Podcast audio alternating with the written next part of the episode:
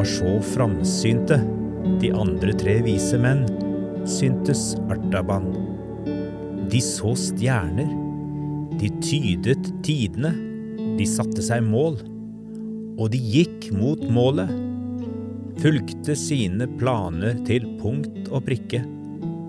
Den fjerde var alltid sent ute. Hva var det nå som opptok ham denne kvelden, mens de andre hadde øynene vendt mot himmelen? Jo, en flokk med barn som hadde kommet på døra og sang for ham. Artaban måtte jo finne noen dadler og annen tørket frukt til dem. Og neste morgen fortalte de andre vismennene entusiastisk om visjonen de hadde fått kvelden før. En sjelden ledestjerne hadde vist seg på himmelen. En ny konge var født. Messias, Guds sønn. Det var dette de hadde ventet på. Nå visste de hvor de skulle reise.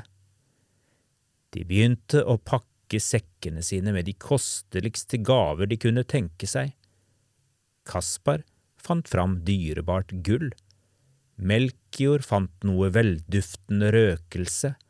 Balthazar velgjørende myrra. Artaban visste også hva han ville gi. Han gikk ut i hagen og skar av de fineste rosene han fant i sin vakre rosehage. Den buketten skal barnet få, sa Artaban. Men du kan da ikke gi det lille barnet en rosebukett, vi skal jo reise langt. Rosene kommer til å være visnet før vi kommer frem, innvendte de tre andre. Da gikk Artaban i stedet og hentet en stor pose med hvetemel. Av dette hvetemelet kan barnets mor lage ferskt brød, og av brødet blir det et godt måltid for familien. Men Artaban, sa de andre, du kan da ikke gi barnet en pose med hvetemel, det har jo ingen virkelig verdi. Kongen er en rik mann. Du må gi ham og familien en kostelig gave, noe pent å se på eller noe nyttig å bruke, ja, som gull, røkelse eller myrra. Artaban tenkte seg godt om.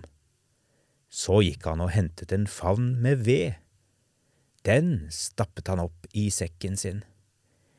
Disse vedkubbene har stor verdi, strålte Artaban. Hva er vel bedre enn å gi barnet varme, og dessuten, slik kan de holde liv i ildstedet sitt lenge. Da slipper de å bryte opp for raskt og dra videre. Artaban likte nemlig dårlig all travelheten som mennesker så lett var rammet av. Han mente folk skulle ta seg bedre tid rundt bålet, kikke godt på hverandre, prate lenge og holde hverandre varme. Hva kunne være bedre for et lite barn enn at foreldrene tok seg god tid? Men de andre vismennene bare lo av Artaban. Tror du ikke kongebarnet har nok av varme på i det store, flotte palasset der han bor? Og dessuten kommer du ikke til å orke å gå lenge før du må kaste fra deg alle de tunge vedkubbene, sa de og ga seg i vei på den lange ferden. Artaban klarte ikke helt å bestemme seg for hvilken gave han skulle velge. Han tok like godt med alt sammen, både rosebuketten, posen med hvetemel og favnen med vedkubber, og skyndte seg for å ta de andre igjen.